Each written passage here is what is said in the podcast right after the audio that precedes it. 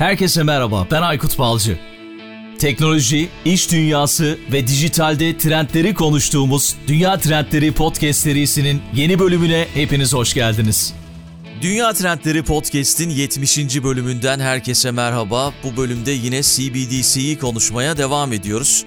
Bir önceki iki bölümde konuklarım olan Mehmet Kerse ve Yasin Aydınbaş konuğum olmaya devam ediyor. Biliyorsunuz Mehmet Kerse World Bank Grup'ta dijital finansman danışman olarak çalışıyor ve Yasin de finansal araştırmacı. Üç kısma ayırdığımız serinin sonuncusuyla karşınızdayız. İlk kısımda Merkez Bankası dijital para birimi nedir, ne işe yarar bundan bahsettik. Sonraki kısımda Merkez Bankası dijital para birimi nasıl hayatımıza girecek bunun üzerine tartıştık. Türkiye CBDC çıkarmayı düşünüyor mu? İşin teknik kısımları nedir, ne değildir? Bunlardan bahsettik ve bu kısımda da yani daha doğrusu bu bölümde ise Merkez Bankası dijital para biriminin faydalarından ve risklerinden bahsediyoruz. Yine benim kendi adıma çok şey öğrendiğim bir bölüm oldu. Umarım siz de yararlanır, faydalanırsınız. Gerçekten Mehmet'e ve Yasin'e bir kez daha bölüm içerisinde de çok fazla teşekkür ettim ama bir kez daha teşekkür etmek istiyorum. Her zaman olduğu gibi bölüme başlamadan önce hatırlatmalarım oluyor. Twitter'da, Instagram'da, LinkedIn'de ve YouTube'da bizi takip edebilirsiniz.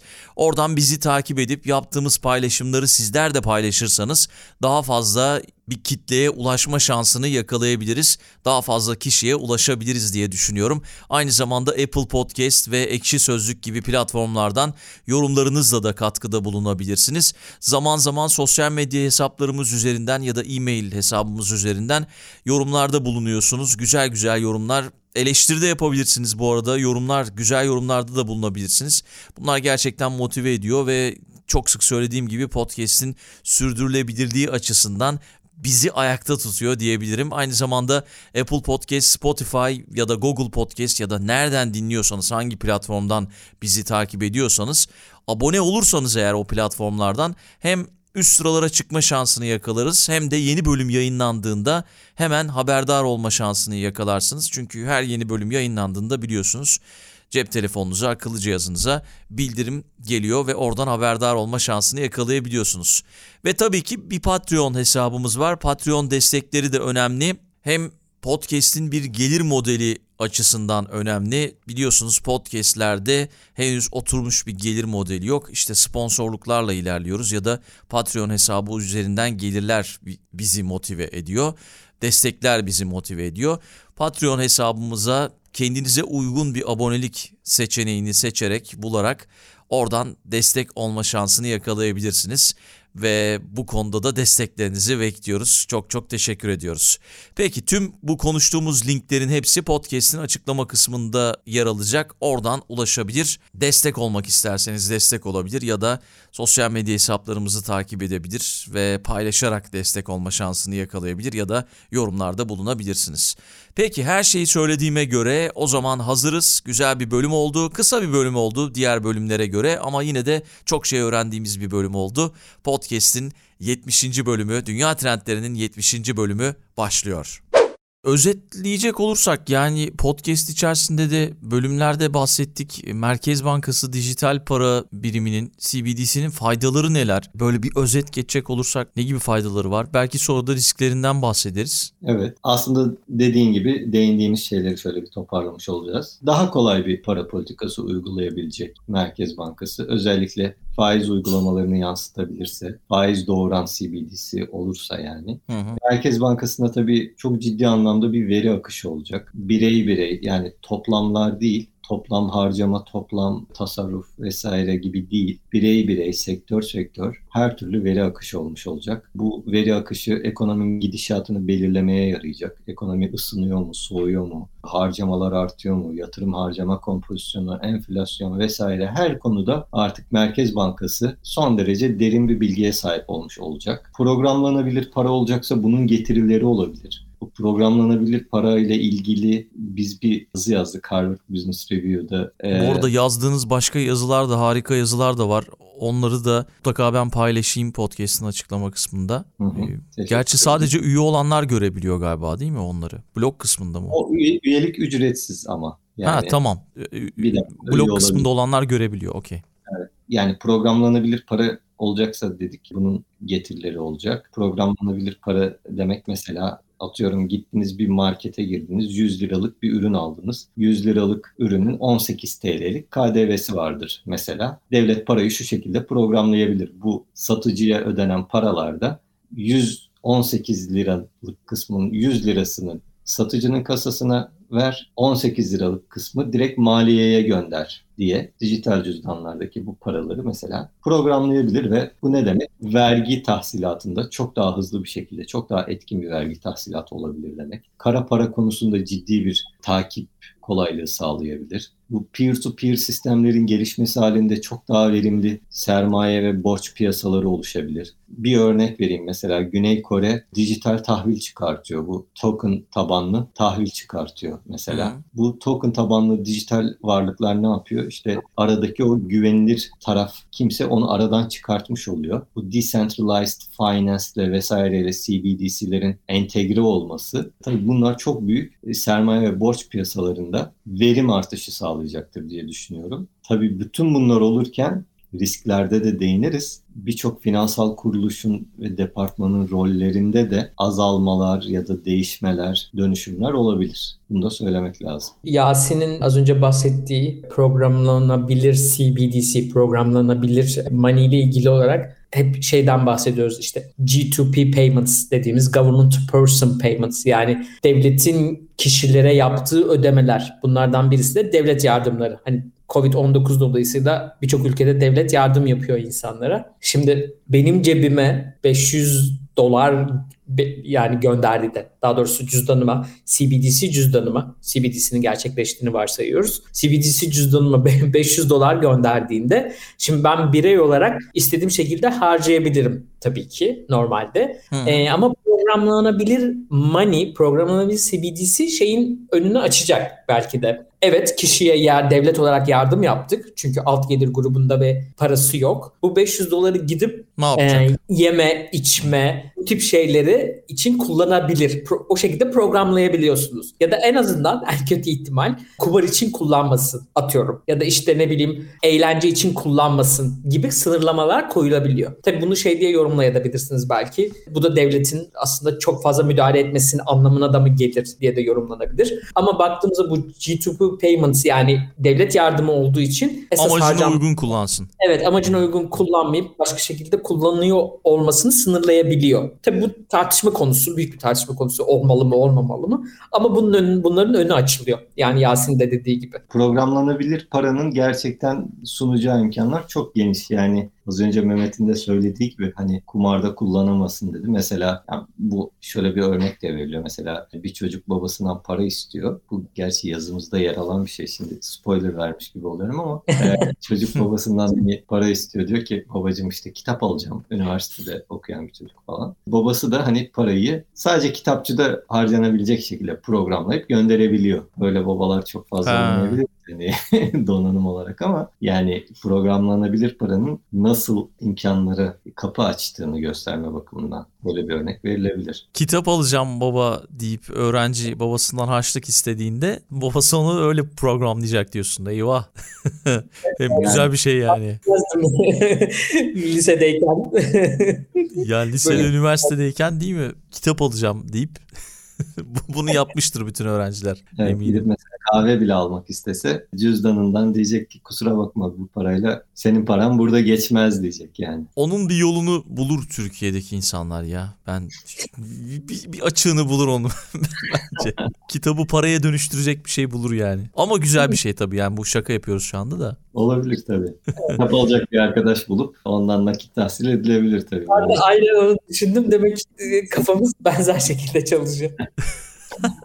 evet yani yurt dışındaki biri bunu asla düşünmez doğru. Bazen böyle düşünebiliyoruz. Peki dinleyenler kusura bakmasın. Peki biraz risklerinden bahsetsek. Onların aslında birkaç faydası konusunda ekleme yapmak istiyorum ha, aslında. Tabii bitti zannettim o yüzden şöyle diyeyim aslında şu an hali hazırda ülkelerdeki bankacılık sistemi ve finansal sistem böyle genelde oligopolistik bir yapıya sahip. Yani baktığınızda e, gelişmiş ülkelerin bazılarında da böyle aslında. 3-5 banka bankacılık sektörünü domine ediyor. Az sayıda büyük banka var. Dolayısıyla rekabet tam anlamıyla gelişmiş şekilde olmayabiliyor. Şimdi bu durumda kişiler o bankaların ya da o finansal kuruluşların sunduğu ürünlere bağımlı. Yani o 3-5 banka ne fiyat veriyorsa onu belki de kabul etmek durumunda oluyorlar. CBDC sahneye çıktığında eğer kişilere düşük maliyetli işlem, transfer, ödeme yapma imkanı veriyorsa şey yapacak. Kişiler daha çok piyasada bunu kullanma yoluna gideceği için aslında bu oligopolistik yapıdaki bankacılık sektörüne rakip olarak ortaya çıkmış olacak. E, Merkez Bankası CBDC çıkmış olacak. Yani şunu demek istiyorum. Kişiler banka tarafında EFT yapmak için 2 TL, 3 TL EFT ücreti verirken eğer CBDC ile para gönderirken herhangi bir tutar ödemiyorsa kişiler doğal olarak CBDC hesabı açmaya seçebileceklerdir onun yerine. Hı hı. Şimdi bu rekabeti arttırıcı bir unsur olacak aslında bankacılık sektöründe, o finansal sektörde. Bu şekilde bankalar ya da diğer finansal kuruluşlar, elektronik para kuruluşları CBDC ile yarışabilmek için müşteriye belki de daha düşük maliyet ve daha çeşitli ve yararlı ürünler sunmaya çalışacaklar. Bu anlamda genel olarak sektördeki rekabetin artmasına belki de katkıda bulunacak CBDC. Ama devletlerle nasıl rekabet edecekler ki? Edebilirler mi sizce? Yani orada e, şöyle bir durum var. Her işlemin sıfır maliyetle Merkez Bankası tarafından sunulması durumunda insanlar hep CBDC kullanmak isteyecekler. E, bu durumda da bankacılık sektörünü yok etmek gibi bir yere gidebilir bu. Hı hı. Ama öte yandan Merkez Bankaları şunu gözden kaçırmayalım tabii. Merkez Bankaları kredi vermeyecek CBDC ile. Dolayısıyla aslında Merkez Bankası yine burada bir politik politik duruş olabilir. Aynı şekilde kendi düşündüğü polisilerine göre merkez bankalarını şey normal bankacılık sektörünü bankaları ve diğer finansal kuruluşları tamamen yok edebileceği bir sistemi çok tercih etmeyeceklerdir zaten. Çünkü hala orada o sisteme ihtiyaçları olacak merkez bankalarının. O nedenle aslında şeyi tartışıyoruz. Faizli mi olmalı, faizsiz mi olmalı? Hı. İşte birlik koyulmalı mı, koyulmamalı mı? Çünkü Özellikle BIS'in yaptığı açıklamalara baktığımızda genel duruş şu şekilde. Bankacılık ürünleri, mevduat, kredi hepsi durmalı. Elektronik para kuruluşları da durmalı. Bunları yok etmemeliyiz. Bunu belki de biraz olsun sektördeki rekabeti arttıracak. Efficiency, verimliliği arttıracak. Bir de bunun yanında CBDC ürününü sunmalıyız gibi bir yere gidiyor aslında. Hani bir, birinin diğerini neredeyse yok ettiği bir sistem yerine hepsinin beraber bulunabileceği bu finan, çeşitli finansal ürünlerin beraber bulunabileceği bir sisteme evrilmek istiyor aslında. Sanırım o az önce Yasin'in belirttiği European Central Bank'ten açıklama yapan ben de ismini de hatırlamadım şu an ama o da orada diyor hani revolution değil evolution diyor aslında. O nedenle bir sonraki evrede kişilere, halka biz birçok farklı finansal enstrüman sunmuş gibi olacağız. CBDC'de dahil. Anladım. Peki risklerine geçebiliriz. Riskler ne gibi riskler olabilir? Merkez Bankası dijital para biriminin riskleri nedir? Yine evet. podcast içerisinde bölümlerde bahsettik ara ara ama böyle bir toparlamış oluruz yine. Ya aslında yine aynı şeyleri podcast içerisinde aslında biraz da dediğin gibi bahsettik. Bu mevduattan CBDC'ye kaçış meselesi aslında bakacağı olursanız en önemli risklerden bir tanesi. Yani CBDC'yi onun için nasıl dizayn ettiğiniz çok önemli bankaların istikrarlı fonu aslında baktığınızda bireysel mevduat. Kişilerin bankalarda tuttuğu mevduat. Eğer bu mevduatları bankalar kaybediyorsa, ise CBDC'ye kaçış oluyorsa bu sefer bankacılık sektörünün elindeki mevduat azalacak. Bankacılık sektörünün verebileceği kredi tutarı miktarında azalma olacak. Az önce de dediğimiz gibi bu sefer kredi miktarı verebileceği kredi miktarı az olduğu için, arz az olduğu için kredi fiyatları kredinin faiz oranı yükselecek. Bu sefer bunun da ekonomiye etkisi olacak. Hı hı. Aslında bunları bu riskler en önemli risklerden bir tanesi ve Merkez Bankası'nın bunların hepsini düşünüp dengelemesi gerekiyor. Mehmet'in de dediği gibi riskler böyle dizayna bağlı olarak değişebilir. Çok uç sonuçları da olabilir. Yani özellikle konuya sadece CBDC açısından değil, decentralized finance denen merkezilikten uzaklaşan finance, finans modeli açısından da bakarsak bankacılık sektörünün ortadan kalkmasına varan riskler var. Ee, şu anda tabii merkezi bir finansal sistem var. Yani bank en azından bankalar açısından bankalar güvenilir taraf olarak yer alıyor bu finansal sistemin orta yerinde. Bunlara para yatırıyorsunuz, kredi çekiyorsunuz vesaire. Ama akıllı kontratlarla uyumlu çalışan CBDC'lerin olması durumunda ya da stable coin'lerin olması durumunda bankaların bu rolünün ortadan kalkması söz konusu olabilir. Yani şu anda bile mesela insanların birbirlerine böyle bankaları aradan kaldırarak borç vereceği platformlar mevcut. Ortada bir banka yok. Tıpkı hani gitti gidiyor da satıcılar ve alıcılar buluşuyor ya. Bu platformlarda da borç vermek isteyenler ve borç almak isteyenler bir araya geliyor. Bankalar arada çıkınca borç veren daha yüksek faiz alıyor. Borç alan da daha düşük faiz ödüyor. Arada bankanın payı çıkınca. Çünkü bu platformların... Güvence ne peki burada? Bu platformlar da aslında bankadan çok farklı değil. Ama çok çok düşük komisyonlarla çalışıyorlar ve çok daha etkin şekilde çalışıyorlar. Ve dijitalleşme tabii burada hat safhada olmuş oluyor. Ve aynı zamanda nasıl gitti gidiyor konuda satıcının yıldızı var, alıcının yıldızı var filan. Bu yıldızdan da öte e, özellikle borç alanların risk düzeyi makine öğrenimi yani machine learning diyelim bununla tespit edildiği için şu anki bankaların kullandığı kredi skoru sisteminden falan daha etkin bir skorlama sistemi üretiyor. Ve bu sistemden faydalanarak da borç alıp verme işlemlerini yapıyor. Dolayısıyla bankalara göre çok daha öte. Hatta bu bunun yatırım yönetimine bakan şeyleri de var, yönleri de var. Yani o şekilde çalışan robo advisor'lar var mesela. Hı hı. Robot ve yatırım danışmanlığı yapıyor artık. Yani yatırım danışmanları da yani robot karşısındaki insana mesela şey yapıyor onun e, yatırım yapma tarzını çözüyor ve ona ona göre tavsiyeler veriyor falan gibi. Yani bu decentralized finance'in o açıdan bakarsak olaya sadece CBDC değil yani çok daha büyük bir tehdit söz konusu bankalara yönelik. Akıllı kontratlarla bu CBDC'lerin birbirine ve bu sisteme eklemlenmesiyle bu finans dünyasındaki büyük oyuncuların böyle aradan çıkmaları hızlanabilir. Yani bu dönüşüm, yıkıcı dönüşüm diyelim, hızlanabilir. Az önce bahsettiğimiz gibi yani bu Airbnb'nin otellere yaptığını ya da işte Uber'in taksilere yaptığını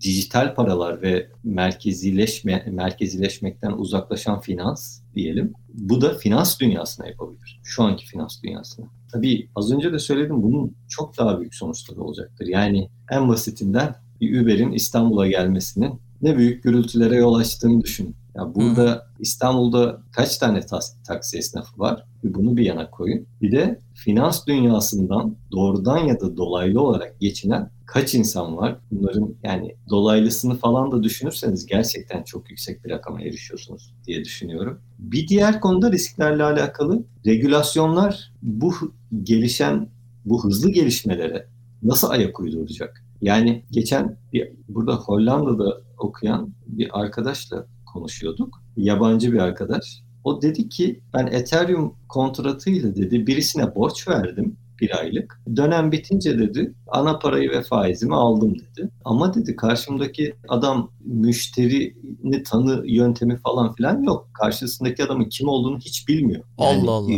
tamamen internet üzerinden decentralized finance işte bu uygulamayla birisine borç vermiş ve dönem sonunda faiziyle almış. Peki yani bilmediğiniz bir insana, hiç kimsenin bilmediği, hiç kimsenin tanımadığı bir insana borç veriyorsunuz. E, borcun ödenmeme ihtimali geçtim. Bu insan bir terörist de olabilir ve sizin aldığınız parayla gidip bomba yapabilir ve bir yerlerde patlatabilir. En basitinden yani. Regülasyon derken buna dikkat çekmek istiyorum. Yani teknoloji gelişiyor. Çok çok değişik şeyler yapılabiliyor ama bunlar regüle ediliyor mu? Ne aynı hızda regüle edilmesi, düzenlenmesi çok zor da e, ne kadar gerisinden geliniyor ve o arayı kapatmak için ne çabalar sarf ediliyor? Bu çok önemli. Dolayısıyla bu akıllı kontrat sistemlerine, decentralized finance sistemlerine, kimlik teyit sistemlerinin de mutlaka eklemlenmesi lazım. Yine blockchain üzerinden kimlik tespit sistemleri de geliştiriliyor bir yandan. Bununla beraber decentralized exchange diye de bir şey var. Yani mesela şu anda Bitcoin'i al, alıp satmak için Türkiye'dekiler işte diyelim ki BTC Türk'ü kullanıyorlar. Hı hı. Bu tabii bir şirketin sahip olduğu bir exchange sitesi, al-sat sitesi. Bir de hiç kimsenin sahip olmadığı yine tamamen blockchain yöntemiyle dizayn edilmiş exchange siteleri var. Yani exchange'ler var daha doğrusu. Burada hani yakasına yapışacağınız bir sahip de yok. Yani bunlar nasıl regüle edilecek ve